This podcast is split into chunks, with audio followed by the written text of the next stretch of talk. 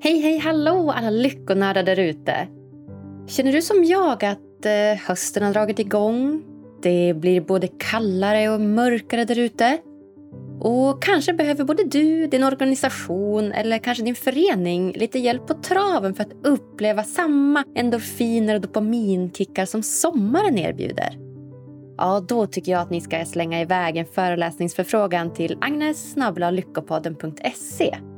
För äntligen har jag möjlighet att ta emot fler uppdrag och erbjuda er ännu fler verktyg för att bli ditt lyckligaste jag. Så fantastiskt! Och vem är jag då? Jo, jag heter som vanligt Agnes Sjöström och tycker det är så klokt att du är med mig och lyssnar. För finns det något viktigare än lycka och välmående i livet? Nej, det tror ju inte jag. Och nu till veckans avsnitt. Hörni, inte en enda kvinna ska behöva känna sig osäker när hon går hem från krogen på kvällen.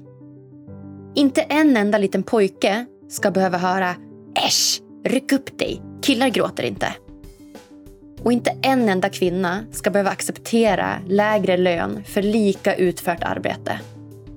Ja, idag ska ni få träffa Peter Rung. En 42-årig man som brinner för ett våldsfritt och jämställt samhälle. Tillsammans med sin fru, kriminologen Nina Rung, har han startat den ideella organisationen Huskurage som är ett initiativ med syfte att förhindra våld i nära relationer. Han har också arbetat för UN, Women International Committee i Sverige och varit verksam som ledamot i styrelsen Män för jämställdhet. När Peter föreläser så gör han det med rötterna i normbrytande arbete, maskulinitet och machokultur. Ja, det är så himla värdefull kunskap som jag önskar ska nå ut till allt fler skolor, organisationer och grupper idag. Det är verkligen något som vi behöver. Vi dyker tillsammans ner i machokulturens värld och vänder och vrider på ämnet. Hur förhindrar vi att vi kvinnor ska behöva känna oss osäkra när vi går hem från krogen på nätterna? Hur bryter vi tystnadskulturen? Hur bör vi kommunicera med våra barn för att skapa ett så jämställt samhälle som möjligt? Ja, det är helt otroligt viktiga frågor vi tar upp i dagens eh, poddavsnitt och jag hoppas att det ska ge er lika mycket insikter som det gav mig. Varsågoda!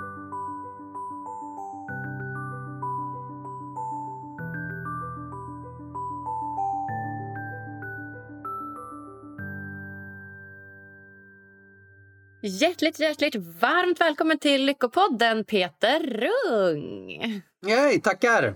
Kul ju! Sorry för strulet som ingen annan vet om. Ja, du, det är ingen fara. Jag är van med det här teknikstrulet. Det är ju inget man kan eh, styra över. Ja, säkert finns det någon som kan styra över det, men eh, i alla fall jag kan inte. Att, Exakt. Och jag gör också mitt bästa, men ibland är, man, är det någon högre makt som, eh, som behöver komma och hjälpa till, tror jag. jag tyckte det var ett bra support, Agnes. Ja, men vad fint. Tack, Peter. Och Jag tycker det är helt fantastiskt kul att du vill gästa den här podden, Peter. Jag har ju haft ögonen på dig och din fru Nina Rung här eh, under ett tag. Och eh, Ni är mitt nya favorite couple. Det är ni som ett liksom power couple som bara står stadigt i framkant och står för era fina, fantastiska värderingar. Så tack för det! Ja, det är roligt ju. Alltså, vad, vad kul. Ehm, alltså, det är en häftig grej att, att vara i en parrelation och, och brinna för samma saker. Jag, jag, det kan jag verkligen så här, sympatisera med att, att andra ser som en eh, häftig, rolig, inspirerande grej. För jag, jag älskar också den grejen med oss, med, med vårt vi, liksom, att vi brinner för samma saker. Så det är ja, kul. Kul om det, om, om det bidrar till fler ju. Mm, men så kul. Hur länge har ni varit tillsammans? Du, nio år är det nu. Men shit! Det är snart nio Va? år sedan som vi jag tror jag såg på Facebook, du vet sådär, jag drog till LA någon gång. Senast jag drog till LA var nio år sedan här för en, en månad sedan. Och vi, vi, när jag var i LA så hade liksom jag och Nina träffats och hängt en del och jag minns att jag, när jag var där så, så googlade jag också lite andra grejer och hittade att Ray LaMontagne, en artist som jag lyssnar mycket på, eh, skulle spela i New York någon gång i november tror jag. Så då frågade jag Nina medan jag höll på att beställa biljetter, ska du med till New York i, no i november? Och så sa hon så här lite grann, ja, okej. Okay. Eh, och någonstans där då, i, sen på Manhattan, så insåg jag att jag, att jag inte bara siktade var kär och förälskad utan också så här, jag älskade verkligen den människa hon är och hur hon är och, och rör sig i världen. Ja, wow. Fantastiskt. Ja, och jag kan tänka mig att det är ett, sätt, alltså, vad ska man säga, ett, ett hållbart koncept då, om vi kommer in lite på relationer. Just det här att ha det här gemensamma projektet, att man strävar åt nåt tillsammans. Det tror jag är väldigt främjande för en relation och gör den hållbar. Liksom. Ja, men du vet att jag håller med om det. Och, och, samtidigt så tror jag att det finns en fara i det. Alltså, eller det kan också finnas ett spår av så här äh, ohållbarhet i det. För jag och Nina har ju verkligen, typ som till exempel att, att, vi, att vi grundade Huskurage och när, när väl det grundades, de första åren med Huskurage, då hade vi, hade vi liksom också varsitt fast jobb, ett heltidsjobb liksom där vi gick upp på morgonen och gick till jobbet och sen kom hem och så satte vi oss med huskurage och försökte få ut det och sprida det och liksom tog möten på luncher, tog möten före jobbet, efter jobbet, föreläste före jobbet, efter jobbet. Och då blev det ganska ohållbart och, det, och den tendensen finns fortfarande så här nio år senare när vi driver vårt eget företag där vi är ute och föreläser och huskurage liksom finns på sidan av det. Så finns det fortfarande en, en tendens att det blir ohållbart ibland eh, för att vi jobbar för mycket. Som nu sista dagarna så, så har jag liksom suttit och jobbat och Nina också fram till ett, halv två på natten och sen upp på morgonen för att för att vi också, dels har vi haft Bonnie, vår yngsta, hemma i tre år. Vilket ju har varit ett sånt otroligt privilegie och, och, och liksom verkligen något som jag är lycklig, glad och tacksam över. Men det har också gjort att så här, eh, alltså Bonnie vaknar ju vid halv åtta på morgonen och vill leka. Och lägger sig halv åtta på kvällen och har lekt klart. Så att det är tolv timmars lek liksom, eh, som inte då, där det inte hinns med jobb riktigt. Ja, just det. Så blessing and a curse. Ja, men lite så. Lite så. Men, men, men framförallt, mest av allt verkligen, mest av allt en blessing. Men, men eh, på, just det hållbara kan ibland skava lite när det kommer till att vi, vi tenderar att, att jobba för mycket. Nina har skrivit, jag vet inte, 25-30 eh, debattartiklar eller krönikor och, och jag kanske har skrivit 5-10 eh, och det har gjorts på kvällar, nätter och helger. Ja, det är så. Ja. Ja, ja wow, jag tycker ni är det bra i vart fall. Nio år, det är verkligen en en milstolpe. Vi hade också en sån här, jag och min pojke vi varit tillsammans i kanske två år så det är ganska nytt. Men vi hade också en sån här när vi träffades, jag kände igen mig lite i den, i den storyn att han om vi hade träffats lite eh, sporadiskt där ganska, under ganska många år. Men jag in, bodde inte i Umeå och han bodde i Umeå. Och, så, och sen var det som att han plötsligt bara, men du, ska du med till Portugal en vecka? Jag bara, ja, ja, jo, men varför inte? Du vet? Och så var det som att det byggdes på efter den, efter den veckan. Det är fina minnen att tänka tillbaka på. Ja, men det är och det är också det här lite modiga att våga säga ja till en sån resa och, och kanske i, i synnerhet i ditt och Ninas fall, alltså två kvinnor, vi vet kvinnors utsatthet liksom i världen, eh, att också våga säga okej, okay, jag känner inte den här snubben svinväl, han skulle ju kunna ha en t-shirt där det står this is what a feminist looks like och samtidigt vara ett, ett, en rövhatt liksom. Det är inte omöjligt, mm. det finns ju mängder av sådana exempel. Kapten Klänning det allra mm. tydligast kanske, men men också som Soran Ismail och andra som eh, ändå hävdat en plats, Fredrik Virtanen, och samtidigt varit oförmögna att se hur man, hur man också tagit en helt annan plats i världen. Så, så jag menar, det, det blir en extra härlig grej att minnas att jag vågade och jag vågade och det visade sig vara ett, ett bra beslut. Det finns ju de som, som vågar och, och det inte blir ett lika bra beslut. Helt sant Peter. Det, det är som du säger, det är, det är väldigt modigt att göra och det är kul att det gick bra för både mig och Nina. Men som sagt, det finns också andra som det går mindre bra för. Och det gör nästan att vi rullar in lite grann på, på det ämnet vi ska dyka in i idag, du och jag Peter. Ja. Nämligen då maskulinitet, machokulturen, normbrytande arbete och sånt som jag vet att du brinner lite extra för. Mm, ja, verkligen. Vart vill du börja? Ja, men jag tänker, kan vi inte börja med att berätta liksom, lite mer om dig? Liksom, lite bakgrund. Hur kom det sig att du ja, men snöade in på just det här med machokultur och normbrytande och varför det är så viktigt för dig? Alltså jag tror så här, det, det finns ju den andra sidan av det myntet är ju att jag också snöade in på machokultur och normuppfyllande. Det vill jag vara väldigt tydlig med. Jag har ju, jag har ju liksom vuxit upp i en bruksort i Värmland, Munkfors. Jag, har, jag är präglad av och rustad inför att, att vara i omklädningsrum med andra män jag har liksom omfamnat känslor och blivit positivt förstärkt och belönad för det sedan jag var typ fem år. Eh, jag har tränat på gymmet, jag har sprungit mina mil, jag har liksom, jag har gjort allt det där. Jag har verkligen levt upp till alla de här sakerna. Jag bottnade väl aldrig i liksom en riktigt taskig kvinnosyn eller människosyn, men jag har absolut haft samma beteenden i mångt och mycket som någon med riktigt taskig eh, kvinno och människosyn eh, Och det kan vara allt från att ja, men, inte värdera kvinnors arbete eller eh, liksom objektifiera, sexualisera, förminska. Alltså, absolut att jag har gjort det liksom, genom liksom, min uppfostran och fostran. Så det vill jag vara väldigt tydlig med att det är inte så att jag springer runt och har liksom en fläckfri bakgrund eller att jag har att jag inte har gått i liksom gamla fotspår och upp, uppfyllt och reproducerat eh, och knuffat andra till att reproducera stereotypa förväntningar på oss. Och jag visste heller inget annat. Så att, men, men det gjorde jag och det gjorde jag väl liksom, jag är 43 nu så fram tills jag var 22, 25 någonstans och kanske till och med 30 så, så var jag väldigt mycket i, i machokultur eller i att eh, leva upp till stereotypa förväntningar på, på män. Hur kunde det utspela sig då, liksom, den här machokulturen? Är det liksom omklädningsrum och oh, högljutt och slåss och testosteron? Eller hur liksom utspelar det sig för dig? Ja, men precis så tänker jag. Och, och så här, jag, jag, vill bara vara tydlig att jag, så här, machokultur är ett slarvigt uttryck eh, som jag också använt jättemycket. Jag använder det väldigt mycket mindre nu för att jag tror att det är mycket viktigt att vi pratar om beteenden. För det kan vi känna igen oss i.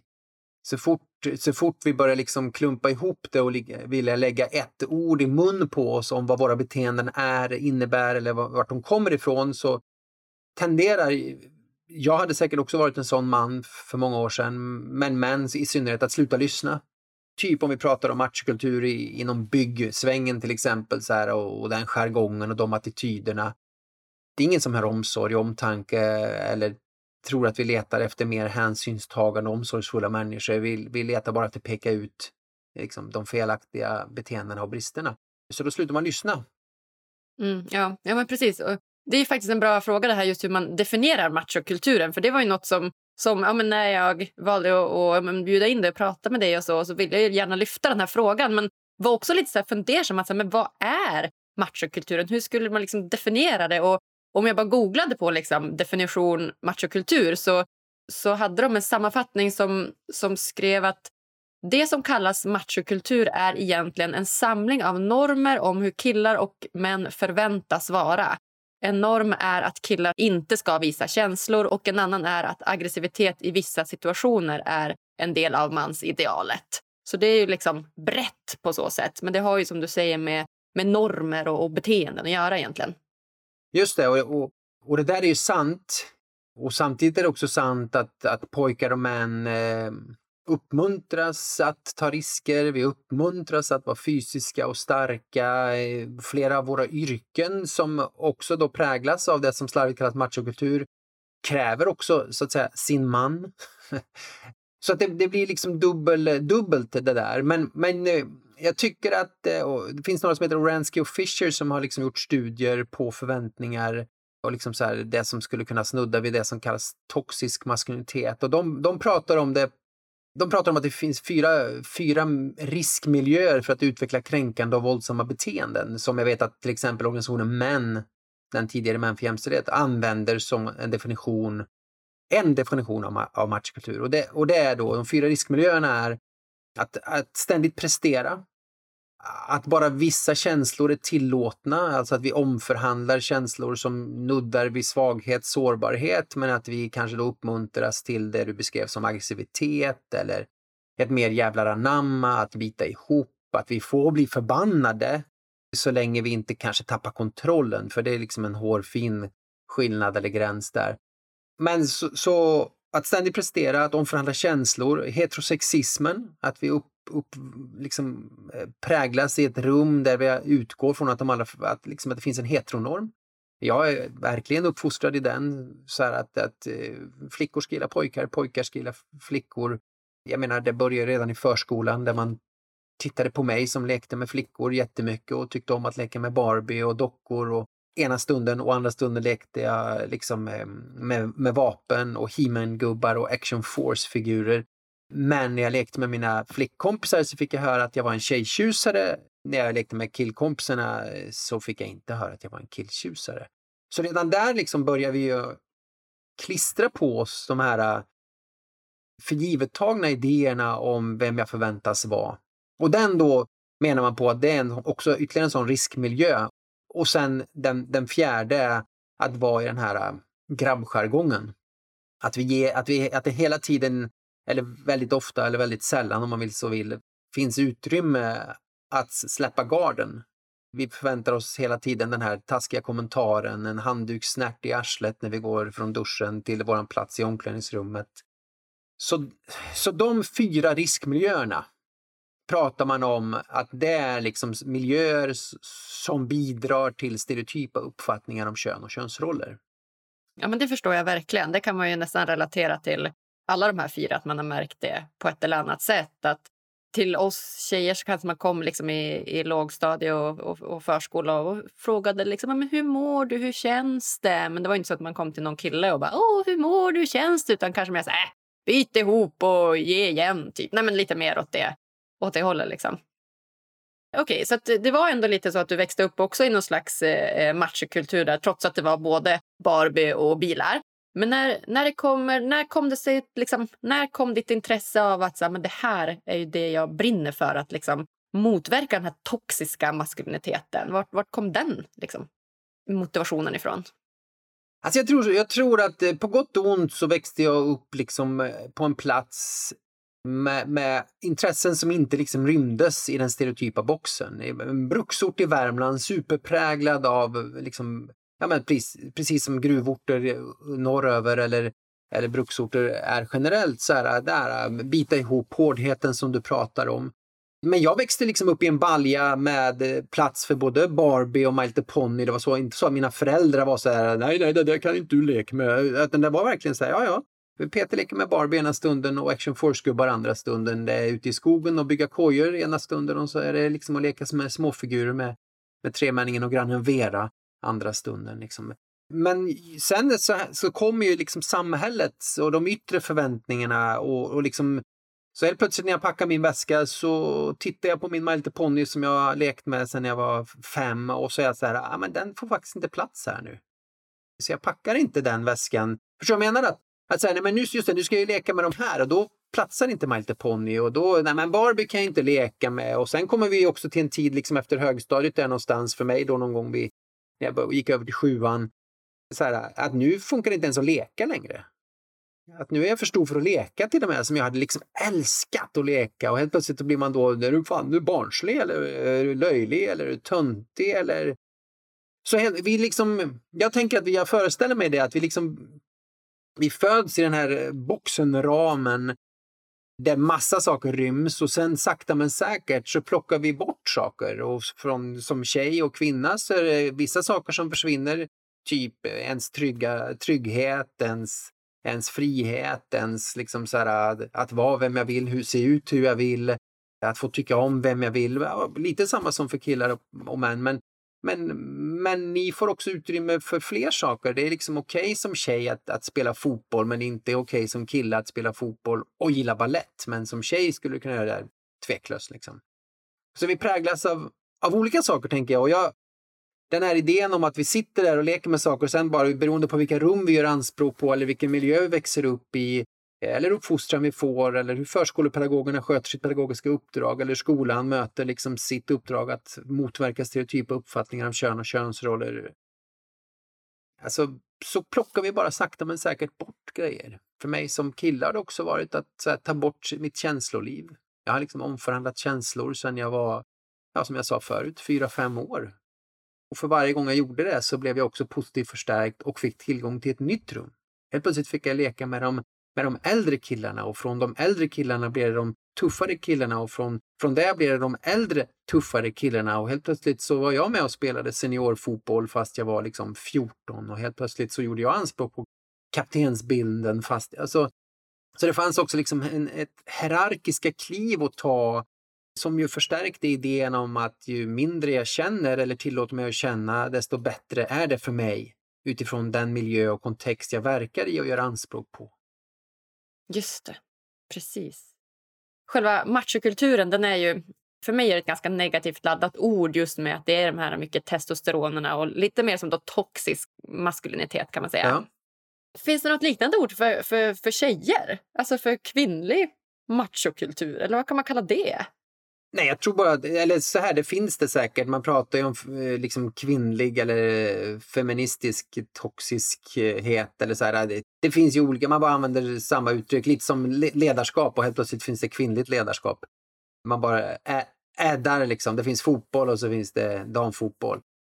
Du vet, alltså hela den grejen. Men, men det jag skulle också säga är så här att och det här har jag liksom börjat förändra i mitt sätt att prata om och se på machokultur eller de här stereotypa förväntningarna. För det är ju, jag gillar så Hjalmar Söderberg, om du har läst Dr. Glas eller om du känner till det. finns ett citat där som jag har använt. Jag använde det först 20 år inom omsorgen men, men nu också så liksom klickar det när det kommer till maskulinitet. Och det är det här, alla vill bli älskade, i brist därpå beundrade, i brist därpå fruktade, i brist därpå avskydda och föraktade. Själen ryser för tomrummet och i kontakt till vad pris som helst. Om vi liksom bara stannar i den och så börjar vi titta på beteenden runt omkring oss. Och så börjar vi liksom förstå vad det handlar om. Alltså, alltså mycket av så här jargong, taskig attityd eller utagerande beteenden eller som till synes är så här, om man slarvigt uttrycker det, idiotiska eller förkastliga eller så här, vi kan inte ens förstå varför de gör så. Men börjar vi titta på det utifrån Hjalmar Söderbergs liksom, ord så är det så här, okej, okay, det börjar i den där änden. Alla vill bli älskade.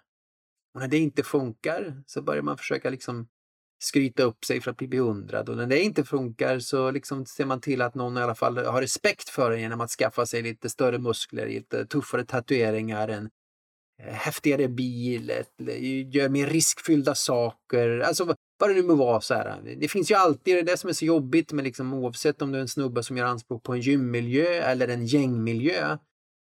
Så finns det alltid någon som bänkar mer, alltid någon som är villig att dra våldet lite längre. Mm. Så det är liksom ett självuppätande system. Det, är så här, det finns alltid en dyrare fucking cykel att köpa eller en dyrare skoter eller en dyr, ett dyrare sätt av hörlurar att ha i gruvan när du jobbar. Alltså det finns hela tiden, du vet så här, you name it, fucking fiskeutrustning. Ja. Det där är ju ett eh, omöjligt spel att vinna. Alltså om man går till lycka, det är liksom yttre faktorer. Det finns ju inget att hämta. Alltså det gör Nej. inte det. Det finns liksom varken botten eller topp, liksom tak på det. det är så här, så det, därför måste vi ju, alltså nyckeln är väl någonstans att att sluta jämföra sig och försöka se vad som funkar för mig. Och jag tror att, att tillbaks till någon form av fråga du ställde för en kvart sedan. Vad, vad, vad, när hände det för dig? Jag tror bara att det, det, jag ville få sagt var att jag hade verkligen fötterna i, i fler ändar. Jag var ju ja. som sagt inte bara Action Force och He-Man-gubbar, jag var också Barbie och My Little Pony.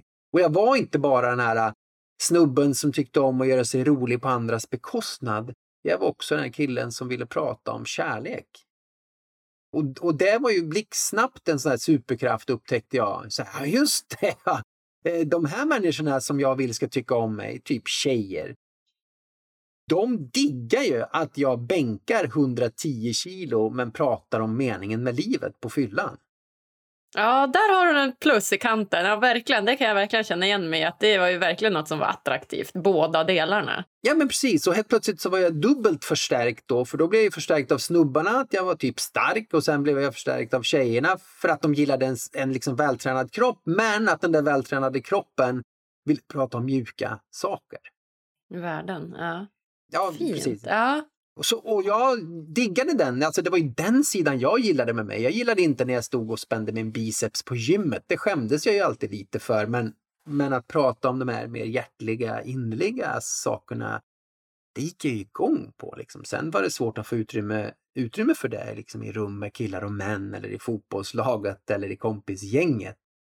För det var ju liksom bara nästa fylla eller tidigare fylla nästa match eller nästa träning som var liksom på tapeten.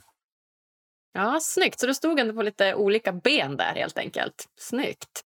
Jag tänker om vi ska rikta oss då till, till män eh, mm. det här, i det här poddavsnittet och alla lyssnare då som är män. Så kan jag också tänka mig då om man är man och växer upp i en ganska tydlig ja, men machokultur mer eller mindre. Och så känner man att så här, men, ja, men ja, jag kanske Idag så har jag hamnat i den här liksom, normen att jag går på gymmet och jag spänner mig och jag slåss och jag ja, men, har mer av de här dragen, liksom machodragen, de här toxiska dragen. men känner att så här, men hur, hur kan jag göra för att, för att kanske inte efterleva den normen så starkt? Vad har du för tips till dem? Ja, men dels så finns det väl någon idé om att vi blir som vi umgås.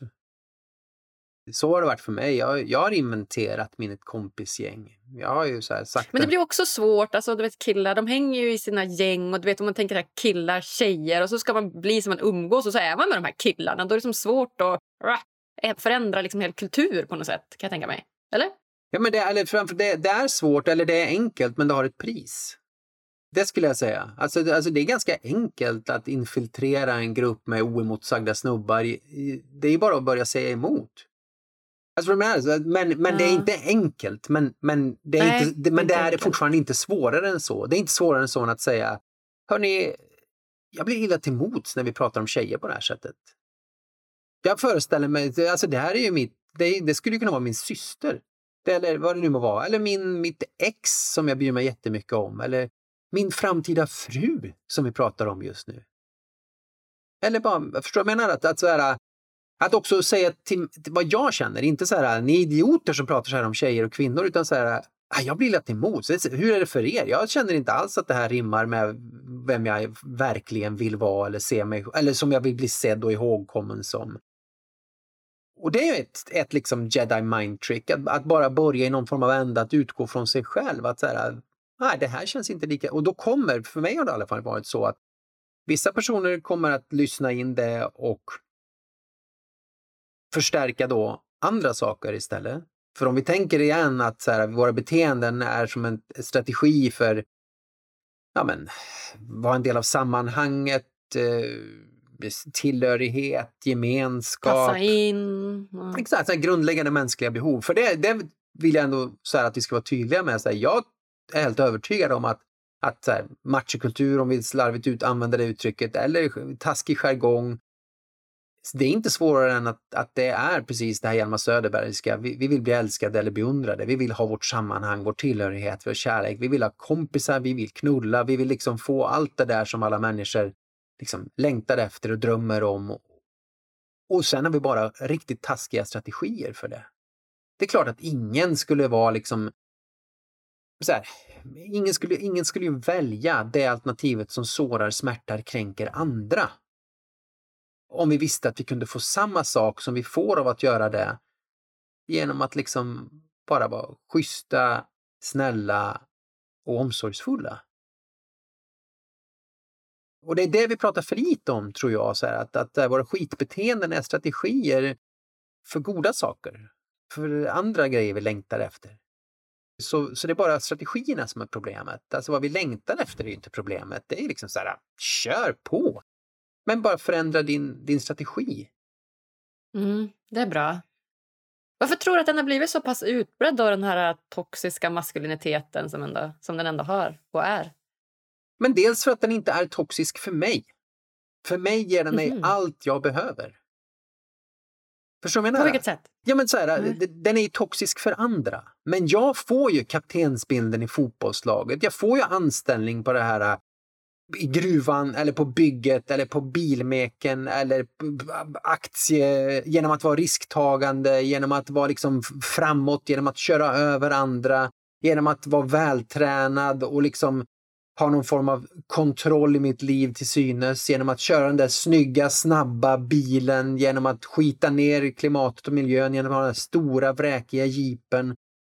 Alltså, alltså, jag blir ju belönad. Ja, just det. Det är toxiskt för andra. Så det är återigen så här, så, så dels så tror jag ju någon form att vi måste hjälp, hjälpas åt. Att, att så här, nej, vet du vad, du får faktiskt inte köra dieselbil och ska du köra dieselbil så kommer det kosta dig pengar. Så, så på sikt så kommer det, du kör bokstavligt talat en fossilbil. Det är inte framtiden. Framtiden är en elbil. Framtiden är solceller, inte bensin och diesel och olja.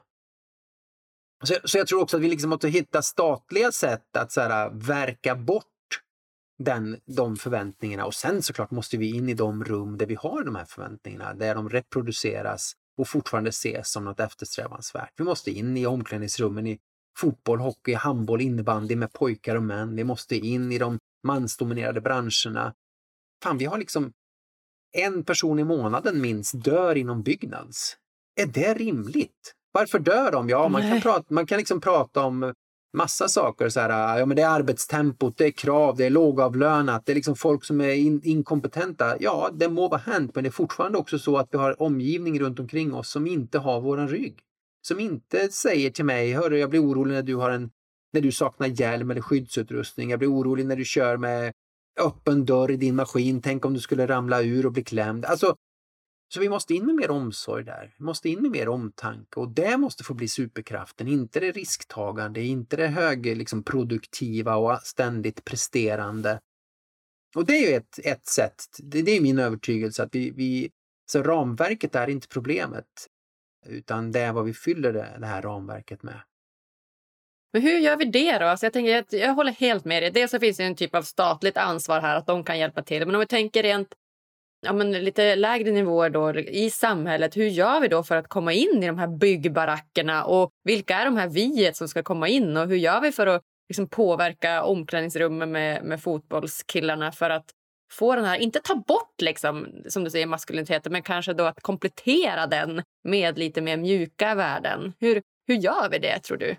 Alltså dels så görs det ju massor redan. Det, det, det, det, och det har gjorts länge. Det har funnits massa initiativ. Jag vet att det är en kommun för kanske 10-15 år sedan som började ställa krav på sitt föreningsliv till exempel. Och de får ju föreningsstöd, statliga och kommunala medel. Så de var så här, vet ni, det får ni absolut, men då ska ni också stödja typ kvinnojouren, ni ska främja jämställdheten och jämlikheten i kommunen, ni ska jobba med, med nyanlända och ensamkommande. Ni, eh, så här, ni ska liksom se till att plantider och träningstider är rättvist fördelade eh, utifrån kön, ålder, eh, hela liksom alltihop, då får ni superbra stöd. Alltså vi jobbar jättemycket med det med huskurage till exempel, att vi hjälper de kommunala bostadsbolagen att hitta sätt att verka, att de, de är oftast en lokal sponsor till en lokal förening. Toppen, bli huskurageambassadörer, prata om att ni står upp mot mäns våld mot kvinnor, att ni inte vill det. Förstår ni hur vi gör det liksom systematiserat? När, för så här, vi kan prata om svenska landslaget i fotboll och nationella strategier, absolut. Men det är för långt bort. Vi måste liksom bryta ner det och titta så här, okej, okay, hur gör man i Umeå? vilka är liksom eh, de som andra ser upp till där? Vilka är de big five? Är det basketen, det är fotbollen, det är hockeyn, det kanske är någon krögare, det kanske är liksom, okej, okay, så vad ställer vi för krav på dem? Hur ska de vara ute i vårt samhälle och stötta kvinnojouren eller mansjouren, prata om sårbarhet och manlighet i skolor och föreningar. Alltså hela den grejen, vi, vi måste bryta ner det. Vi liksom kan inte prata om så här, FNs globala kampanj He for She och att det, så här, ja, men hur ser det ut då i praktiken? Hur ser det ut på vår förskola? Hur ser det ut i våra klassrum? Hur ser det ut i vårt föreningsliv? Dit måste vi liksom, och då måste vi hjälpas åt. Då måste de kommunala bostadsbolagen eller andra företagare ställa krav på föreningar de sponsrar. Eh, vi måste ha en pedagogisk verksamhet i förskolor som är en direkt medkraft till att alla ska få vara sig själva och skolan måste vara den här motkraften som blandar ut de stereotypa uppfattningarna om kön och könsroller. Och då händer det grejer. Ja, men då händer det grejer. Exakt. Ja, men det var lite det jag ville komma in till. Ja, men jättebra, jättebra strategier där. Men om man tänker, jag som kvinna då, som också har levt ja, men, eh, ett ganska, ja, men, vad ska man säga, förskoningslöst liv här i Umeå. Alltså det här, eh, Umeå är väldigt eh, en stad som är väldigt feministisk och, och vänsterinriktad rent politiskt och med mycket liksom feministiska män om man ska dra liksom den kulturen och väldigt ja, men, uppvuxen i det tyckte att det var en väldigt stor skillnad att komma till, till södra Sverige där jag också har bott i, i andra städer som är kanske lika stora som Umeå men där det, där det är ett, ett större, ja, men en större utbredd machokultur. Och det, det var en annan jargong och det var liksom plötsligt upple- upptäckte jag att det var liksom inte riktigt okej okay att sitta och, och, och snacka med, med killarna om liksom fotbollsgrejer. Utan jag skulle då sitta med tjejerna och, och prata om känslor, typ. Så ja, men jag som kvinna, hur kan jag göra för att liksom minska på den här toxiska maskuliniteten för att få någon slags balans? Alltså, det finns säkert saker vi, vi kan göra allihop ju. Nu tänker jag att det största ansvaret ligger på, på liksom pojkar, män och oss eller de som fostrar dem i både omklädningsrum och familjer och skolor och förskolor. Men det är klart att du som kvinna kan liksom, men också ta snacket ju. Så här, hur pratar ni tjejer om så här kvinnor som pratar om så här spännande, farliga, varför liksom Micke Persbrandt som har en historia av, av våld, missbruk och snefyllor, hur kommer det sig att han blir vald till Sveriges sexigaste man varje, eller blev i alla fall, så här, varför, varför, är inte det osexigt liksom?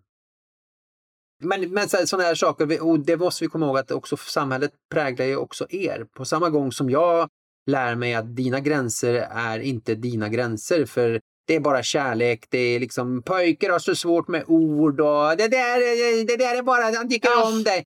Alltså ni lär ju oh. samma sak. Du lär ju också oh. att mina gränsöverskridande beteenden är en komplimang och en kärlekshandling.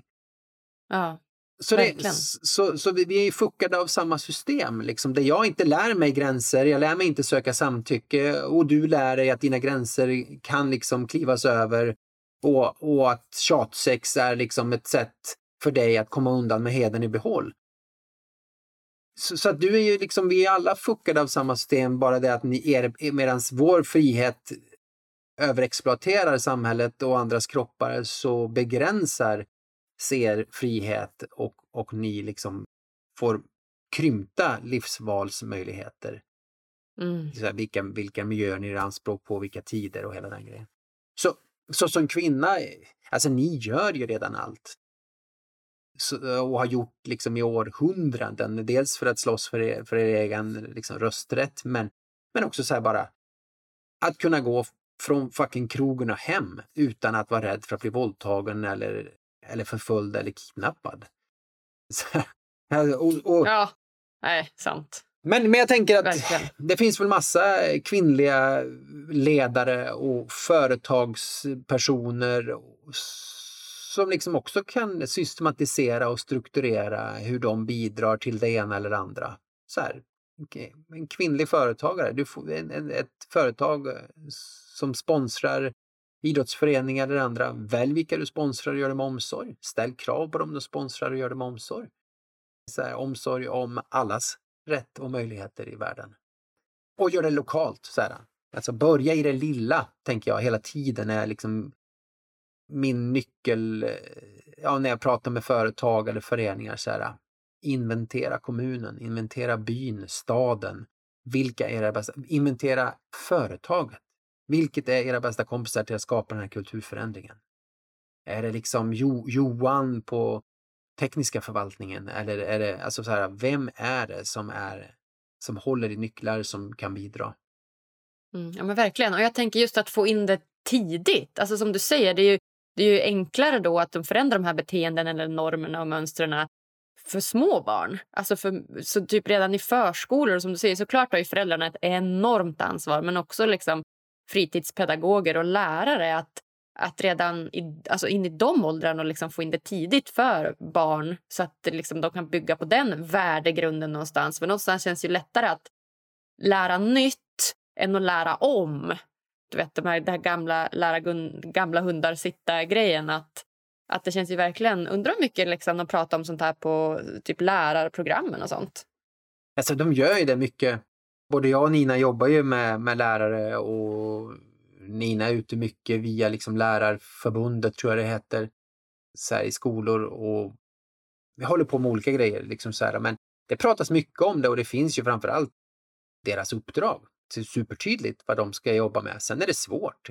Jag har jobbat med lärare nu, gör ett litet årsprogram med, med ett gäng där vi, där vi pratar om skojbråk resistance som är en del av det som de allra flesta säger har en så här, nolltolerans mot skojbråk. Ja, varför? Ja, för att det nästan alltid där som någonting annat eskalerar ur. Det börjar med ett skojbråk där någon tappar ansiktet och helt plötsligt så har det blivit riktigt våld. Och så pratar vi om så här, okej, okay, vad fyller skojbråk för funktion? Ja, men det är det här med killar att de ska få Ja, de kramas ju inte så mycket, så det blir det fysiska och vi vet ju att det frigör eh, oxytocin, vad heter det? Ja, oxytocin är ju Ja, den ja, exakt. hormonet som frigörs vid beröring. Ja. Exakt, så det är, liksom, det är också ett sätt för det här och det bidrar ju liksom, pojkar är ju svårare att liksom bara ge varandra en kram så det finns liksom där skoj. Okej, men om man vänder på det då, vad, vad, vad, vad fyller skojbråk för funktion för dig som vuxen? Vad är det som gör att, att du tillåter att dina elever skojbråkar i korridoren, i klassrummet, på skolgården? Vad är det du värnar om? Hjalmar Söderberg, alla vill bli älskade, i brist därpå beundrade. Ja, men det är att man inte vill vara en tråkmåns och vara den som tjatar hela tiden. Okej, så att det finns liksom något, det fyller en funktion för dig också. Att, att vara tillåtande. Att, att vara schysst, att ses som liksom en småcool eller inte så PK. Alltså, det, alltså förstår du vad jag menar? Att, hela tiden så kan vi ju göra den ramsan så här, okej, varför är det svårt för mig att ta tag i nolltoleransen mot mobbning eller skojbråk på en skola? Varför är det svårt för mig, trots att jag vet att 44 skolelever tar sitt liv varje år på grund av mobbning? Usch, usch, det var alldeles för mycket. Ja, alltså det är, det är liksom nästan, vad blir det, drygt tre i månaden. Mm, Alltså, det är, det är helt sjukt. Det är alldeles för mycket. Shit. Men det är så här, det är för långt bort, förstår du vad jag menar? Vi, det, det, människor jobbar inte med det i sitt klassrum för att det är inte i vårt klassrum tills det är det. Jag vet inte om du lyssnade på Erik Nivas sommarprat från 2019 när han pratar om att på ett och samma skolår uppe i Malmberget så tog 14 jämnåriga kamrater, pojkar, livet av sig. Shit, vad sjukt. Och han, och han gör jämförelsen med liksom eh, skjutningar i, i, i förorter där han var så här, jag har också känt hur vi saknade insatser. Hur vi liksom inte, man, inte, man tog inte på allvar vad som händer oss. Vi hade knappt samtal om det här. Vi bara tittade oss runt i klassrummen och visste att någon snart skulle vara den som tog livet av sig. Och han sa, och, och det var inte liksom, det var de tuffa, tysta killarna med typ motorolja på fingertopparna. Det var de vi trodde var tuffa, coola. Det var de som tog livet av sig en efter en. Men ja, i alla fall, så, så jag menar, det, det handlar om också att ta det på allvar, att ta liksom konsekvenserna av, om det nu är slarvigt uttryckt machokultur, eller om det nu är skojbråk, eller om det nu är liksom så här taskiga kommentarer till varann i skolkorridoren. Alltså att vi behöver ta det på allvar här och nu, inte sen, då är det för sent. Ja, verkligen. Shit, vad spännande. Ja, men du har helt rätt. Verkligen ta det på allvar, ner i klasserna och prata om det tidigt. Och som du säger, verkligen ja, inte lämna något åt slumpen utan grotta in mer i vad som händer. I, så att mer resurser överlag till skolan, tänker jag. Det borde ju vara liksom en person i varje klass eller en lärare i varje klass som jobbar liksom förebyggande för såna här äh, händelser. Ja, och verkligen. Och framförallt för att vi vet ju att kostnaderna är så mycket eh, större av att inte göra det. Oavsett om, det pratar, om vi pratar om mänskligt lidande, men också så här, äh, samhälleliga insatser. Vad det kostar att ta, ta hand om någon som men, på grund av skolmiljön inte kunde få fullgoda eh, betyg eller som hamnade i utanförskap eller mellanförskap, som, som valde eh, den kriminella banan istället för ett jobb för att man hade inte... Förstår man, alla, alla de här livsvalen som vi omöjliggör genom att ha en skola där var och en inte får vara sig själv, men där var och en också, eller inte heller, får vara trygg. Och då börjar jag också någonstans med liksom alla de här barnen som vi pratar om, jag och Nina, när vi är ute och pratar så här. Vi vet att 10% av alla barn i Sverige lever i hem med våld. Det är 200 000 ungar ungefär. Men det är också 10% av alla barn i Umeå. Det är 10% av alla barn i min dotters förskoleklass. Förstår du? Jag menar, att bryta ner det till här och nu, inte långt bort som så här, 10% av alla barn i Sverige, det är, o... så, men det är er förening. Som när jag jobbade med Hammarby fotboll, där vi pratar så här, ni har 3000 unga i er verksamhet. 300 av dem lever i hem med våld. 600 av dem i hem med missbruk och psykisk ohälsa. Förstår du vad jag menar?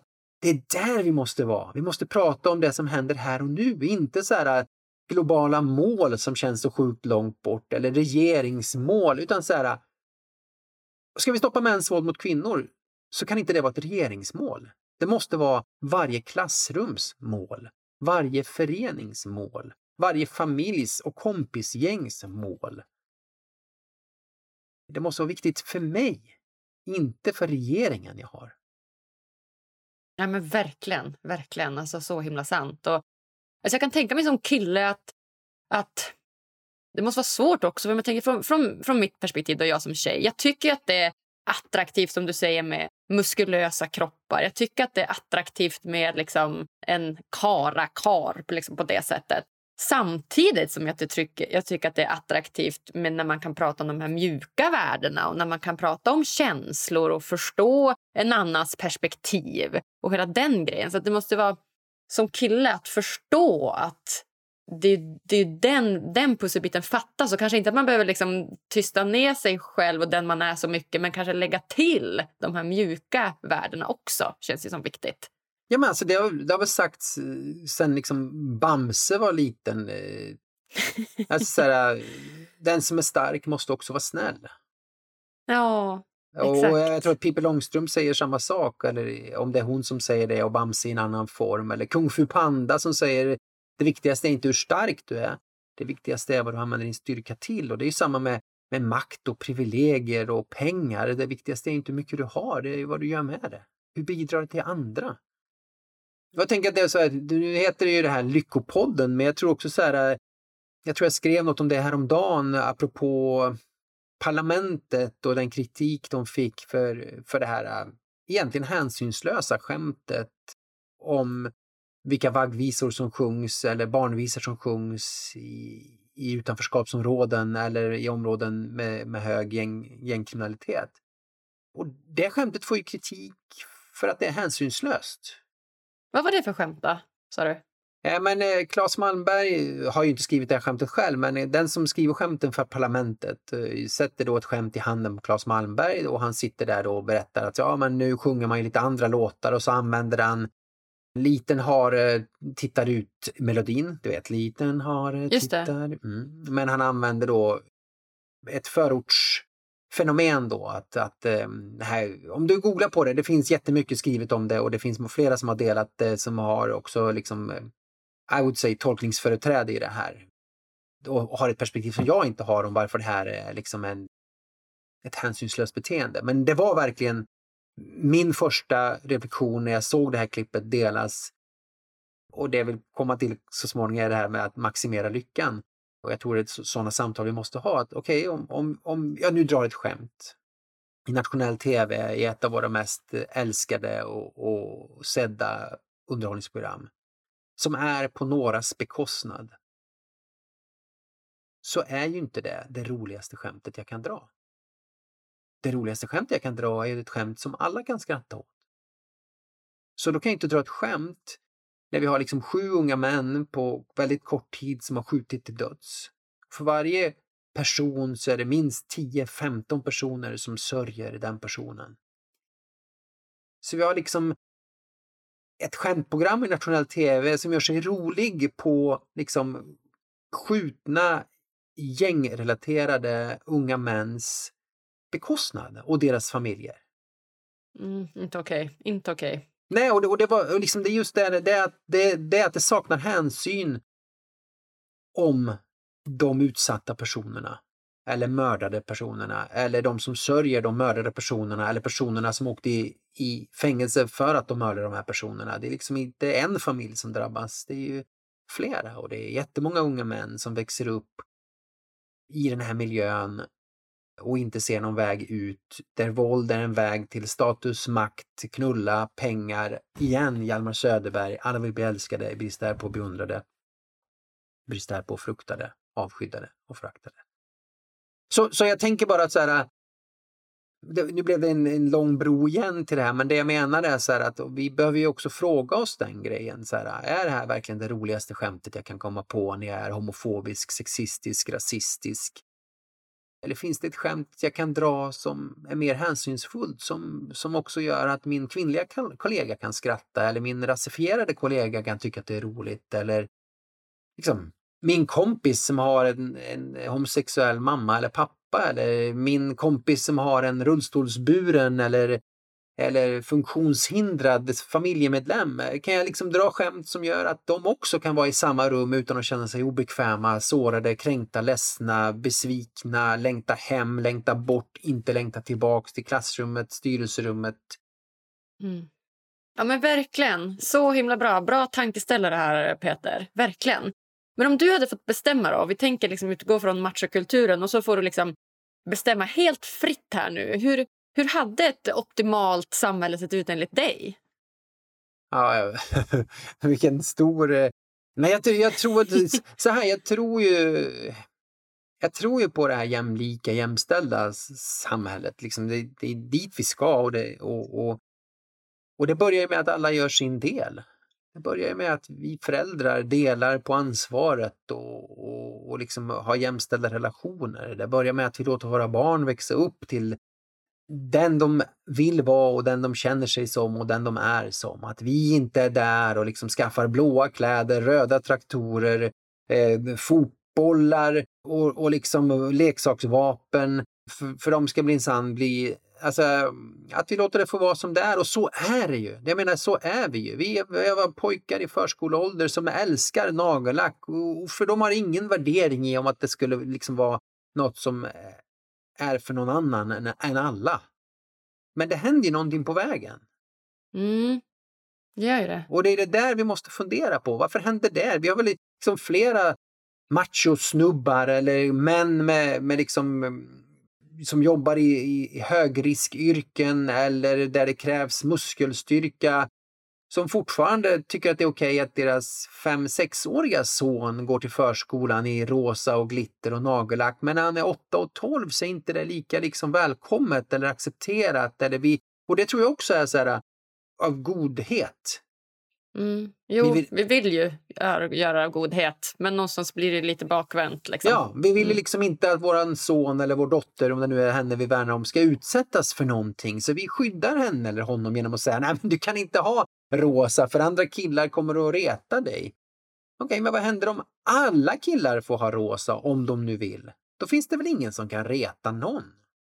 Alltså det är väl det som är trixet, att vi förhärdas ju och rustas ju av fel anledningar. För om alla lät bli att rusta och, och, och härda oss så skulle vi inte behöva det. Då skulle liksom skulle inte 12 personer om året minst dö inom byggnads eller så här, 44 skolelever tar livet av sig för att de inte känner sammanhang och tillhörighet eller blir utsatta, mobbade. Alltså...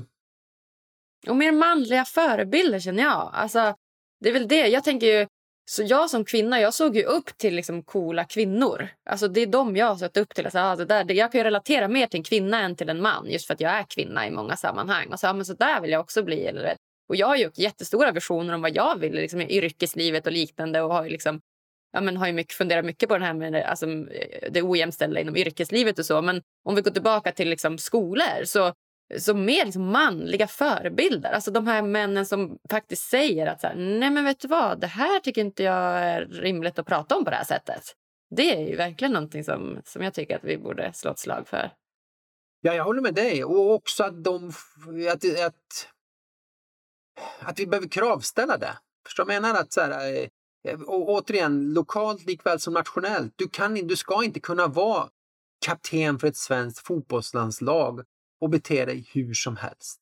Vara den som liksom är tuff och ska slåss på eller utanför planen eller hela tiden uppfyller, reproducerar machoideal på ett sätt som vi vet skadar eller krymper andras livsutrymme. Men tillbaks då, vi behöver inte prata om Zlatan, vi kan ju också prata om så här, ja men du vet, Jocke som är kapten för eh, Luleå Hockey eller Thomas som är kapten för IFK Munkfors eller de också. Mm, för det är ju attraktivt. Alltså Det tycker jag är superattraktivt. Men någon som både kvinnor och män. Att stå upp för sina värderingar och sina åsikter när det kommer till jämlika frågor och machokultur och sånt. Alltså Det är ju så himla attraktivt på alla plan. Så verkligen, det tycker jag verkligen vi vill lyfta. Ja, precis. Och det måste också vara attraktivt än för andra än den jag vill ligga med. För så, menar, det, ja, alltså, alltså, absolut. För så är det ju att, att i världen eller i samhället eller i våra relationer. Det spelar egentligen ingen roll vad min mamma och pappa har lärt mig. Om miljön jag gör anspråk på lär mig något annat. Du var inne på det förut, så här, vi, det är så tråkigt att vi måste lära om, men vi måste faktiskt lära om. Eh, och jag har också lärt om. Jag har lärt om massa saker. Jag, alltså hade du frågat mig för fem år sedan eller ja, fyra år sedan så ville inte jag bli pappa. Jag trodde inte att jag var förmögen till att njuta av att vara pappa. För jag hade ju fullt upp med att inte hinna träna och var frustrerad och förbannad över att jag inte hann träffa mina kompisar tillräckligt mycket eller kunde vara ute och vandra i den omfattning jag ville. Det var vad, vad mitt liv handlade om. Liksom, eh, massa ego och vad jag, jag, jag skulle uppfylla i livet. Då skulle inte jag ha tid eller lust eller tycka att det var lustfyllt och roligt. Jag skulle inte bli lycklig av att bli pappa. Det var min absoluta övertygelse. Jag skulle inte få en bättre relation med Nina om jag blev pappa. Jag skulle inte få en bättre relation med mina vänner om jag blev pappa. Men det där är ju också inlärt. Jag har ju liksom i större delen av mitt vuxna liv matat min hjärna med att uppfylla mina egna behov och önskemål. Jag ska ut och resa, jag ska ut och träna, jag ska ut och dejta, jag ska vad jag nu ska göra för att hela tiden liksom ja, uppfylla det jag tänker, tror, känner och på riktigt säkert, det är ju på riktigt för mig. Gör, gör, är lycka för mig. Mm. Nej men vackert, där har du verkligen, sätter du verkligen fingret på någonting. Nej men precis, så attraktivt i form av inte kärleksattraktion utan attraktivt, något som är liksom attraherande på alla plan, liksom vänskap eller så. så verkligen. Ja. ja, bra Peter, så spännande. Jag tänker att vi ska hoppa in på de sista frågorna här innan vi lämnar varandra, du och jag. Och eh, den första frågan är ju då, vad gör dig riktigt lycklig? Men det är nog, det, det är ju att, att se alla mina tjejer. Eh, jag har, vi har, jag har ju Nina som är min fru, jag har ju hennes, hennes dotter Manja som är 12 och så har jag Bonnie som är 3 och så har jag vår hund Vilja som, som är 2. Men Fantastiska tjejer runt dig. Eh, ja, men när vi är liksom på en bra plats allihop. Alltså, vi hade en sån kväll här om kvällen när solen gick ner här längs med västkusten eh, på Gotland. Vi var ute och gick allihop och liksom det skrattades och busades. Eh, då kände jag mig superlycklig. Då kände jag mig jag är på rätt plats i livet med rätt människor runt omkring mig. Här vill jag vara. Här ska vi vara. Det, det var liksom lycka. Mm. Gud, vad fint. Vilket är ditt bästa lyckotips? Jag, jag gillar ju den här idén med Björn Nattiko som pratar om jag kan ha fel. Mm, mm, den är bra. Superviktig. Sen eh, tänker jag också så här eh, att, att våga trotsa dina egna idéer och ideal.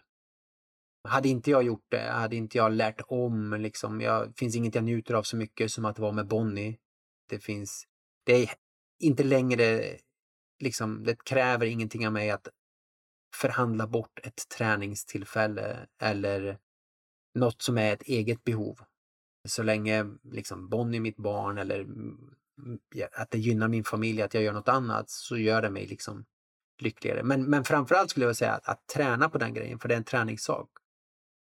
Hela första året som pappa var jag superfrustrerad över att inte jag hann till gymmet mina tre gånger i veckan eller två gånger i veckan eller till slut en gång i veckan ens. Tills jag bara hade programmerat om min hjärna. Att säga, okej, okay, men det är inte det som gör mig lycklig nu. Det kan snarare göra att jag hamnar i mer obalans, att jag går och tränar istället för att se till att min familj har mat på bordet eller torra kläder eller eh, lek i ytterligare en timme. Så jag tar hellre en kopp kaffe och leker med Bonnie en timme på studsmattan än att liksom vara borta en timme för träning. Just det. Du får köra några så här armhävningar med henne kanske, ha henne i, i famnen och lyfta upp henne eller någonting. ja men exakt, verkligen. Ja, ja så fint.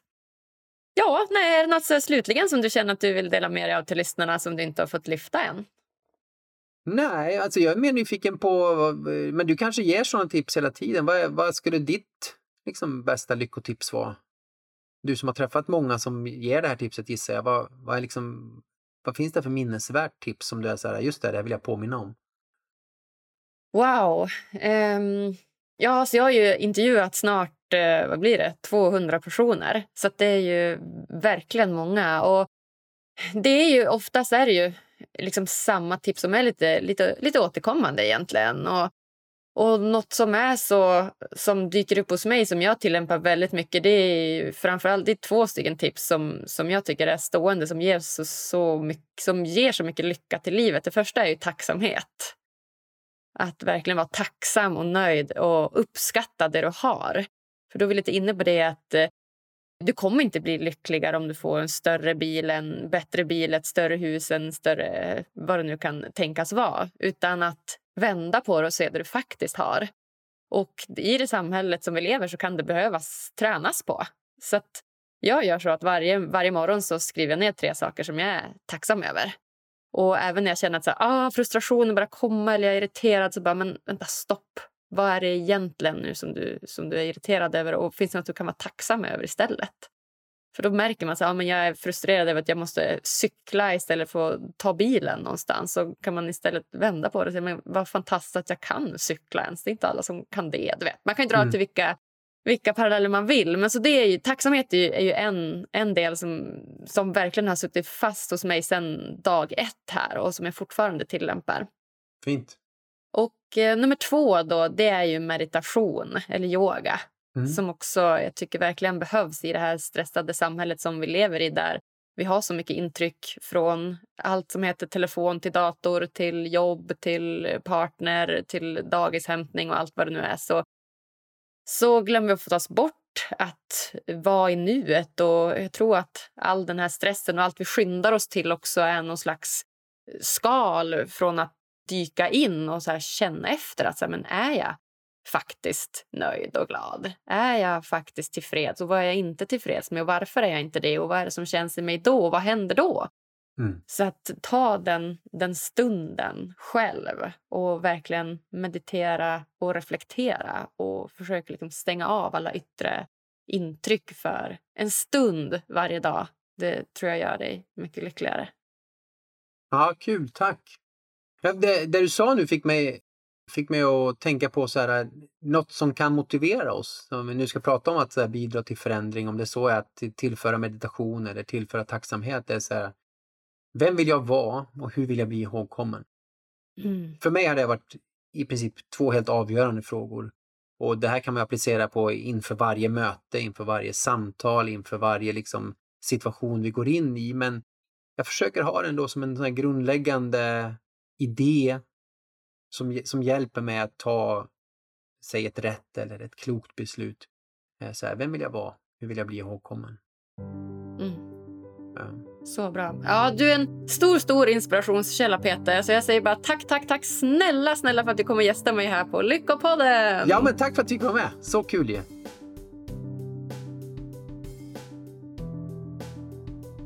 Men vilken god prutt han är, Peter. Så himla lärorikt avsnitt. Snacka om viktig information att sprida till varenda skola, varenda organisation och alla typer av grupper som bara finns. För som sagt, inte en enda kvinna ska behöva känna sig osäker när hon går hem från krogen. Inte en enda liten pojke ska behöva höra Äsch, killar gråter inte. Och inte en enda till kvinna ska behöva acceptera lägre lön för lika utfört arbete. Usch! Men om ni också uppskattade det här avsnittet, ja, då hade jag blivit mega glad om ni ville gå in på iTunes eller Podcaster och ge oss så många stjärnor som du tycker det här avsnittet förtjänar. Och lämna jättegärna en liten kommentar om ni känner för det. Och eh, om ni inte får nog med lyckotips och inspiration så tycker jag också att ni ska gå in på Lyckopoddens Instagram och hålla utkik efter ännu mer matnyttig information. Ja, vi hörs på tisdag igen hörni. Puss och kram så länge!